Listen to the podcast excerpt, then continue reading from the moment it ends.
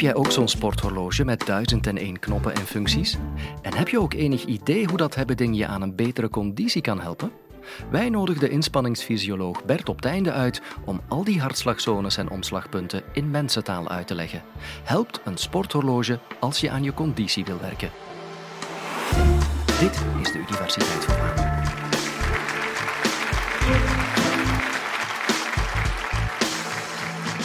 Goedenavond allemaal. Helpt een sporthorloge je conditie vooruit? Vooraleer ik dat ga uitleggen, wil ik jullie eerst een, eh, een belangrijk probleem voorleggen. We hebben er miljoenen jaren over gedaan om te zijn wie we zijn, om rechtop te lopen, om de homo erectus te worden, om gezond te zijn. Maar de laatste 30, 40 jaar zijn we er toch een boeltje van aan het maken. Hoor. Het gaat niet zo goed met ons, onze gezondheid. We bewegen veel te weinig. We eten ongezond. En dat heeft als gevolg dat wij al maar zwaarder worden. Ongeveer 60 procent van de wereldbevolking heeft overgewicht. 30 procent obesitas. En dat geeft allerlei hele vervelende chronische aandoeningen. Kanker, diabetes, hart- en vaataandoeningen, al dat soort zaken. Niet goed. En voor een groot stuk het gevolg van onze levensstijl. En het jammer is dat we heel goed weten hoe dat komt, maar we krijgen het toch niet goed opgelost. Overheden initiëren bewegingsprogramma's. Run a mile a day. Start to run. Daar zijn voedingsinterventies, vet- en suikertaxen, die wij allemaal volgen. En we lukken er allemaal vrij goed in om dat één of twee maandjes vol te houden om gewicht te verliezen. Maar helaas, helaas, meestal wanneer je drie, vier, vijf maanden verder gaat kijken, ziet het er niet zo goed uit. We krijgen het maar niet opgelost. En wij, wetenschappers, ja, wij proberen mee na te denken ja, hoe dat we die zaak dan moeten aanpakken. Misschien een lichtpuntje.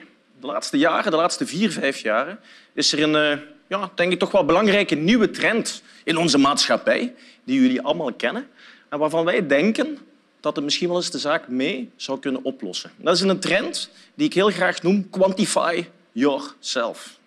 Jullie hebben allemaal een smartphone, ik ook. En wij vinden het heel leuk om onszelf te trekken. We weten perfect hoeveel stappen dat we per dag zetten, hoeveel calorieën dat we innemen. Dat weten we allemaal heel perfect. En blijkbaar vinden we het ook heel leuk om dat met elkaar te delen. Op Strava zijn er ganse groepen waar eh, sporters onder elkaar zichzelf uitdagen. En wat blijkt nu uit heel recent wetenschappelijk onderzoek? Wel, daaruit blijkt dat die Quantify Yourself ja, er eigenlijk voor zorgt dat mensen veel langer zo'n bewegings- of een voedingsprogramma volgen. Wanneer ik mezelf bijvoorbeeld als voorbeeld neem, ik heb hele actieve dagen, maar ik heb ook bureaudagen, administratieve dagen. Wanneer ik mezelf als voorbeeld neem en, en, en ik s'avonds thuis kom en ik zie dat ik maar drie of vierduizend stappen gezet heb in plaats van de, de nodige tienduizend stappen, ja, dan pak ik mij bij elkaar met mijn hond en dan gaan we wandelen en dan zorg ik ervoor dat ik wel aan tienduizend stappen kom. Dus mij alleszins helpt dat eigenlijk heel goed om te bewegen en om het ook lang vol te houden. Nu, een heel belangrijk toestelletje, een heel belangrijke sensor eigenlijk, die wij nodig hebben om onszelf te kwantificeren, kennen jullie allemaal. De moderne smartwatch, sporthorloges, activity trackers. Al jarenlang op de eerste plaats in onze Christmas shoppinglist. En als ik hier zo kijk, de meesten onder ons hebben dat. Jullie zien hier op de achtergrond een van mijn laatste trainingstochten. Heel leuk, ik kan mezelf tracken. Ik zie waar ik gelopen heb, ik zie de afstand die ik gelopen heb. Ik kan kijken naar mijn hartslagfrequentie en ook hoe snel dat ik gelopen heb. En kijk eens helemaal rechtsonder. Heel interessant. Ik kan ook zien in welke hartslagtrainingszone dat ik gewerkt heb. En daar wil ik het vandaag met jullie over hebben. Ik ga jullie eens uitleggen wat hartslagtrainingszones zijn, wat dat betekent, hoe dat we ze bepalen en vooral wat jullie daarmee kunnen doen, hoe dat je aan de slag kan gaan. Ja. Nu, daarvoor moeten we het hebben over inspanningsfysiologie. En inspanningsfysiologie is een tak van de wetenschap waar wij bestuderen hoe het menselijk lichaam functioneert tijdens en na inspanning. Dat is de inspanningsfysiologie. En een heel belangrijke test in de inspanningsfysiologie is een maximale gegradeerde inspanningstest. En dat is een test waar we een loper of een fietser, jullie zien hier een fiets staan, die gaan we eigenlijk een stapsgewijze stijgende intensiteit opleggen. We gaan heel traag beginnen. We gaan bijvoorbeeld aan 5 km per uur eh, starten, dat is wandeltempo. En om de drie minuten gaan we bijvoorbeeld de snelheid met 2 km per uur opdrijven, in het geval van een loper, tot het maximum. Tot de sporter zelf helemaal uitgeput is en op de stopknop drukt en de loopband stilvalt. Dus, dus Maximale vrijwillige uitputting. Dat is eigenlijk de insteek. Dat is een inspanningstest. Ja. Nu, tijdens zo'n inspanningstest gaan wij dan een aantal fysiologische parameters registreren. En een eerste is uiteraard de hartslagfrequentie. Hartslagfrequentie die uiteraard stijgt. Je ziet een maximum bereikt, een piek bereikt, de maximale hartslag. En vervolgens zie je uiteraard een daling bij de recuperatie. Uiteraard. Wat gaan we nog registreren? De zuurstofopname. We gaan sporters een mondmasker, een mondneusmasker opzetten en vervolgens de zuurstofopname uh, registreren. En uiteraard stijgt die tot een maximum, tot een maximale zuurstofopname. En in de inspanningsfysiologie noemen wij dat de VO2 max. Een hele belangrijke parameter voor sport, voor basisconditie. By the way, en ik maak even een zijsprongetje, belangrijk voor de sport, maar ook belangrijk voor de gezondheid. Hoor. De laatste vijf tot tien jaar in de geneeskunde ja, beschouwen wij die VO2 max als een hele belangrijke gezondheidsparameter. We weten namelijk dat mensen die een hoge VO2 max hebben wel 10 tot 15 jaar langer kunnen leven dan mensen die een lage VO2 max hebben. Dus dus geen klein verschil. Hoge VO2 max is echt wel, echt wel belangrijk. En dan een laatste fysiologische parameter die we registreren, dat zijn eigenlijk de uitlaatgassen die onze spieren produceren. Jullie rijden allemaal, vermoed ik, met de wagen. Ja. Wel, de motor van jullie wagen ja, die gaat zuurstof gebruiken om brandstof te verbranden, om diesel of benzine te verbranden. Dan komt er energie vrij en dan kan je fijn rijden. Ja. Maar dan komen natuurlijk ook wel uitlaatgassen vrij. En die zijn slecht voor het milieu. Klimaatopwarming. Wel, in onze spieren gebeurt exact hetzelfde. Onze spieren gaan zuurstof gebruiken om brandstof te verbranden. Ja. Dat is goed voor de, voor de spiercontractie, want dan ontstaat er energie en die kunnen onze spieren gebruiken om samen te trekken, om ons te helpen te lopen, bijvoorbeeld. Ja. Maar er gaan ook wel uitlaatgassen geproduceerd worden die niet zo goed zijn. Melkzuur, hebben jullie zeker al van gehoord. En jullie zien op de grafiek dat de meeste mensen er wel in slagen om in het begin van de inspanningstest de uitlaatgassen, het melkzuur, mooi laag te houden. Maar natuurlijk naar het einde, wanneer je maximale intensiteit bereikt, lukt dat niet meer en gaat die melkzuurconcentratie pijlsnel stijgen. Dat zijn de belangrijke fysiologische parameters die wij meten, die we testen tijdens zo'n inspanningstest. En die gaan we dan vervolgens gebruiken om twee hele belangrijke trainingsdrempels vast te leggen. De zogenaamde, in wetenschappelijke termen, aerobe drempel en de anaerobe drempel. Sommigen onder jullie, hoop ik, kennen dat als de vetdrempel en het omslagpunt. Laten we eens een eh, fictieve jonge sporter nemen met bijvoorbeeld een fictieve maximale hartslag van ongeveer 200 slagen per minuut. Ja. Wel nu, op basis van de inspanningstest gaan wij dan die vetdrempel en het omslagpunt bepalen. En die ligt dan bijvoorbeeld fictief op 140 en op 180 hartslagen. Ja. Wel nu, die twee drempels, 140 vetdrempel, 180 omslagpunt, die bepalen drie zones in onze spieren. En ik ga jullie uitleggen wat er in elk van die drie zones gebeurt. In de eerste zone, onder de vetdrempel, onder de 140 hartslagen in het geval van onze fictieve sporter. Ja.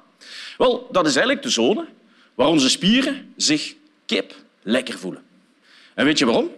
Omdat in die zone, jullie zien dat, in die zone produceren onze spieren eigenlijk geen uitlaatgassen. Eigenlijk geen melkzuur. Dat blijft heel mooi laag. Ja. En hoe komt dat, dat onze spieren in die zone geen melkzuur produceren? Wel, dat heeft eigenlijk alles te maken met het feit dat de intensiteit is laag. Er komt nog heel veel zuurstof in onze spieren binnen. En die zuurstof gaan onze spieren gebruiken om vervolgens vet als brandstof voor de energiecontractie te verbranden. In deze zone gaan onze spieren vet als brandstof gebruiken, nodig voor de spiercontractie. Net zoals de motor van je wagen ook brandstof gebruikt, maar dan om te rijden. Ja. By the way, dames en heren, dit is dus ook meteen de zone waarin je vet kan verliezen, in geval je vet zou willen verliezen. Ja. Mensen die bij ons in het inspanningslab komen om gewicht te verliezen, daar gaan we ook een inspanningstest bij afnemen. Specifiek met de bedoeling om zone 1 te kennen, want dan weten we in welke zone die mensen moeten trainen om maximaal gewicht te verliezen. Nadeel is wel van zone 1, ja, de conditionele prikkel die is daar eigenlijk niet zo sterk. Zeker niet als je al een, mooie basisconditie hebt. Nee, als je je conditie wilt verbeteren, dan ga je echt wel in zone 2 en zelfs in zone 3 moeten trainen. Wat gebeurt er in zone 2? De zone tussen de vetdrempel en het omslagpunt. De zone bij onze fictieve sporter tussen de 140 en de 180 hartslagen. Wel, jullie zien dat langzaamaan de uitlaatgassen, het melkzuur, begint te stijgen. Spieren beginnen daar langzaamaan melkzuur te produceren. Het is nog beheersbaar. Onze spieren kunnen het nog aan. Ja. Maar het begint toch te stijgen. En hoe komt dat? Wel, dat heeft nu eens alles te maken met het feit dat de zuurstofopname op dat moment weliswaar nog voldoende is, maar niet meer groot genoeg om vet te verbranden. En dus onze spieren genoodzaakt zijn, niet anders kunnen, dan over te schakelen op koolhydraten. Alsof jouw dieselwagen overschakelt op benzine, zodat je een keer sneller kan, uh, kan optrekken aan de rode lichten. Ja, dat is eigenlijk wat er daar gebeurt. En nu voor alle duidelijkheid, koolhydraten zijn een goede brandstof hoor. En er is ook een stevige conditionele prikkel, dus wat dat betreft zeker geen probleem. Maar de koolhydratentank, de benzinetank als het ware, die is echt heel beperkt. Luister, de voorraad vet in ons lichaam, ik kijk even rond, de voorraad vet in ons lichaam, die is, die is groot genoeg om 20, 30, 40, 50 marathons achter elkaar te kunnen lopen. In de eerste zone, weliswaar. Je gaat daar nooit de wedstrijd mee winnen. Onbeperkt. De voorraad koolhydraten, zeer beperkt. Koolhydraten in ons lichaam zitten opgestapeld in de lever en in onze spieren. Voldoende voor één tot twee uurtjes energielevering. Dus met andere woorden, als jij een half uur gaat trainen in die tweede zone, geen probleem. We hebben voldoende benzine en voldoende koolhydraten aan boord. Maar wil je bijvoorbeeld een lange fietstocht gaan maken van drie, vier uur? Wel, dat gaat niet in zone 2, omdat je zoveel brandstof niet bij hebt. Ja? Doe je dat toch? Klop, de fameuze klop van de namer. De hongerklop, hè, bij de wielrenners bekend. Enige oplossing? Benzine bijtanken, koolhydraten bijtanken. Dus de, fameuze sportdranken, de energiezelletjes, de energierepen, die helpen in deze zone. In zone 1 hebben die veel minder. Uh, is daar veel minder nood aan. Ja. Ga je nog intenser sporten, ga je naar zone 3, boven het omslagpunt, boven de 180 hartslagen, wel, dan worden de problemen eigenlijk alleen maar groter. Waarom? Onze longen, ons hart, ons bloed, ze slagen er niet meer in om voldoende zuurstof in onze spieren te krijgen. En dan ontstaat er zuurstoftekort. Wij noemen dat een anaerobe inspanning. Te weinig zuurstof om brandstof goed te verbranden. Jullie hebben toch allemaal wel eens ooit uh, achter zo'n oldtimer gereden met een hele grote roetwolk. Een slecht afgestelde motor, slechte verbranding, te weinig zuurstof. Wel, dat is wat er dan in onze spieren gebeurt. De uitlaatgassen, de melkzuurproductie schiet omhoog. En dat is meteen ook het einde van je inspanning. Meestal kan je dat nog maar twee, drie minuutjes volhouden. En dan, ja, dan gaan onze spieren de strijd staken. En, en ga je op de rode knop van de loopband moeten drukken om alstublieft, alstublieft de loopband stil te zetten. Dat is eigenlijk wat we doen tijdens zo'n inspanningstest. En dat is ook wat er in onze spieren gebeurt. Ja? Goed, uitgaande hiervan gaan de moderne sporthorloges ja, die gaan eigenlijk hiervan gebruik maken en als het ware een vijftal hartslagtrainingszones zich situeren. Ja? Op basis van zo'n inspanningstest. Je ziet ze hier staan, gaande van zeer licht tot maximaal. Ja. Ehm, en we hebben ook de hartslagen van onze fictieve sporter erbij gezet. Als je bijvoorbeeld, ik zeg maar iets, in de blauwe zone wilt trainen, dan zal dat moeten zijn tussen de 115 en de 130 hartslagen. Maar nu wordt het interessant, dames en heren. Want nu kunnen we doelgericht beginnen met trainen. Als jouw doelstelling maximale vetverbranding is, maximaal gewichtsverlies, dan ga je best in de blauwe zone trainen. Dus als je aan het lopen bent, kijk je op je sporthorloge of je mooi met de hartslag in die zone zit. Als jouw doelstelling gewichtscontrole is en misschien ook een kleine fysieke prikkel te geven, dan ga je in de groene zone trainen. Wil je echt wel conditie verbeteren, dan wordt het de oranje zone. En ben je een topsporter, ben je een professionele sporter, wel, dan is het goed om regelmatig in die oranje zone te trainen, want dat zijn de zones die prestatiebepalend zijn. Explosieve sporten, bijvoorbeeld voetbal, basketbal, handbal, tennis, ja, die sporters zitten voortdurend in de rode zone. En daar gaat er via intervaltraining in getraind worden met als doelstelling die lactaatcurve platter te krijgen, zodat je minder snel verzuurt. Ja. Dat is eigenlijk wat onze sporthorloges, hoe die, dat je die kan gebruiken. Nu, dit is natuurlijk gebaseerd op een inspanningstest. En voor alle duidelijkheid, dat is de meest wetenschappelijke, de meest correcte manier om hartslagzones vast te leggen. Maar goed, ik kan begrijpen dat, je, dat niet iedereen een mogelijkheid is om zo'n inspanningstest te ondergaan. Ja, en wat doen we dan?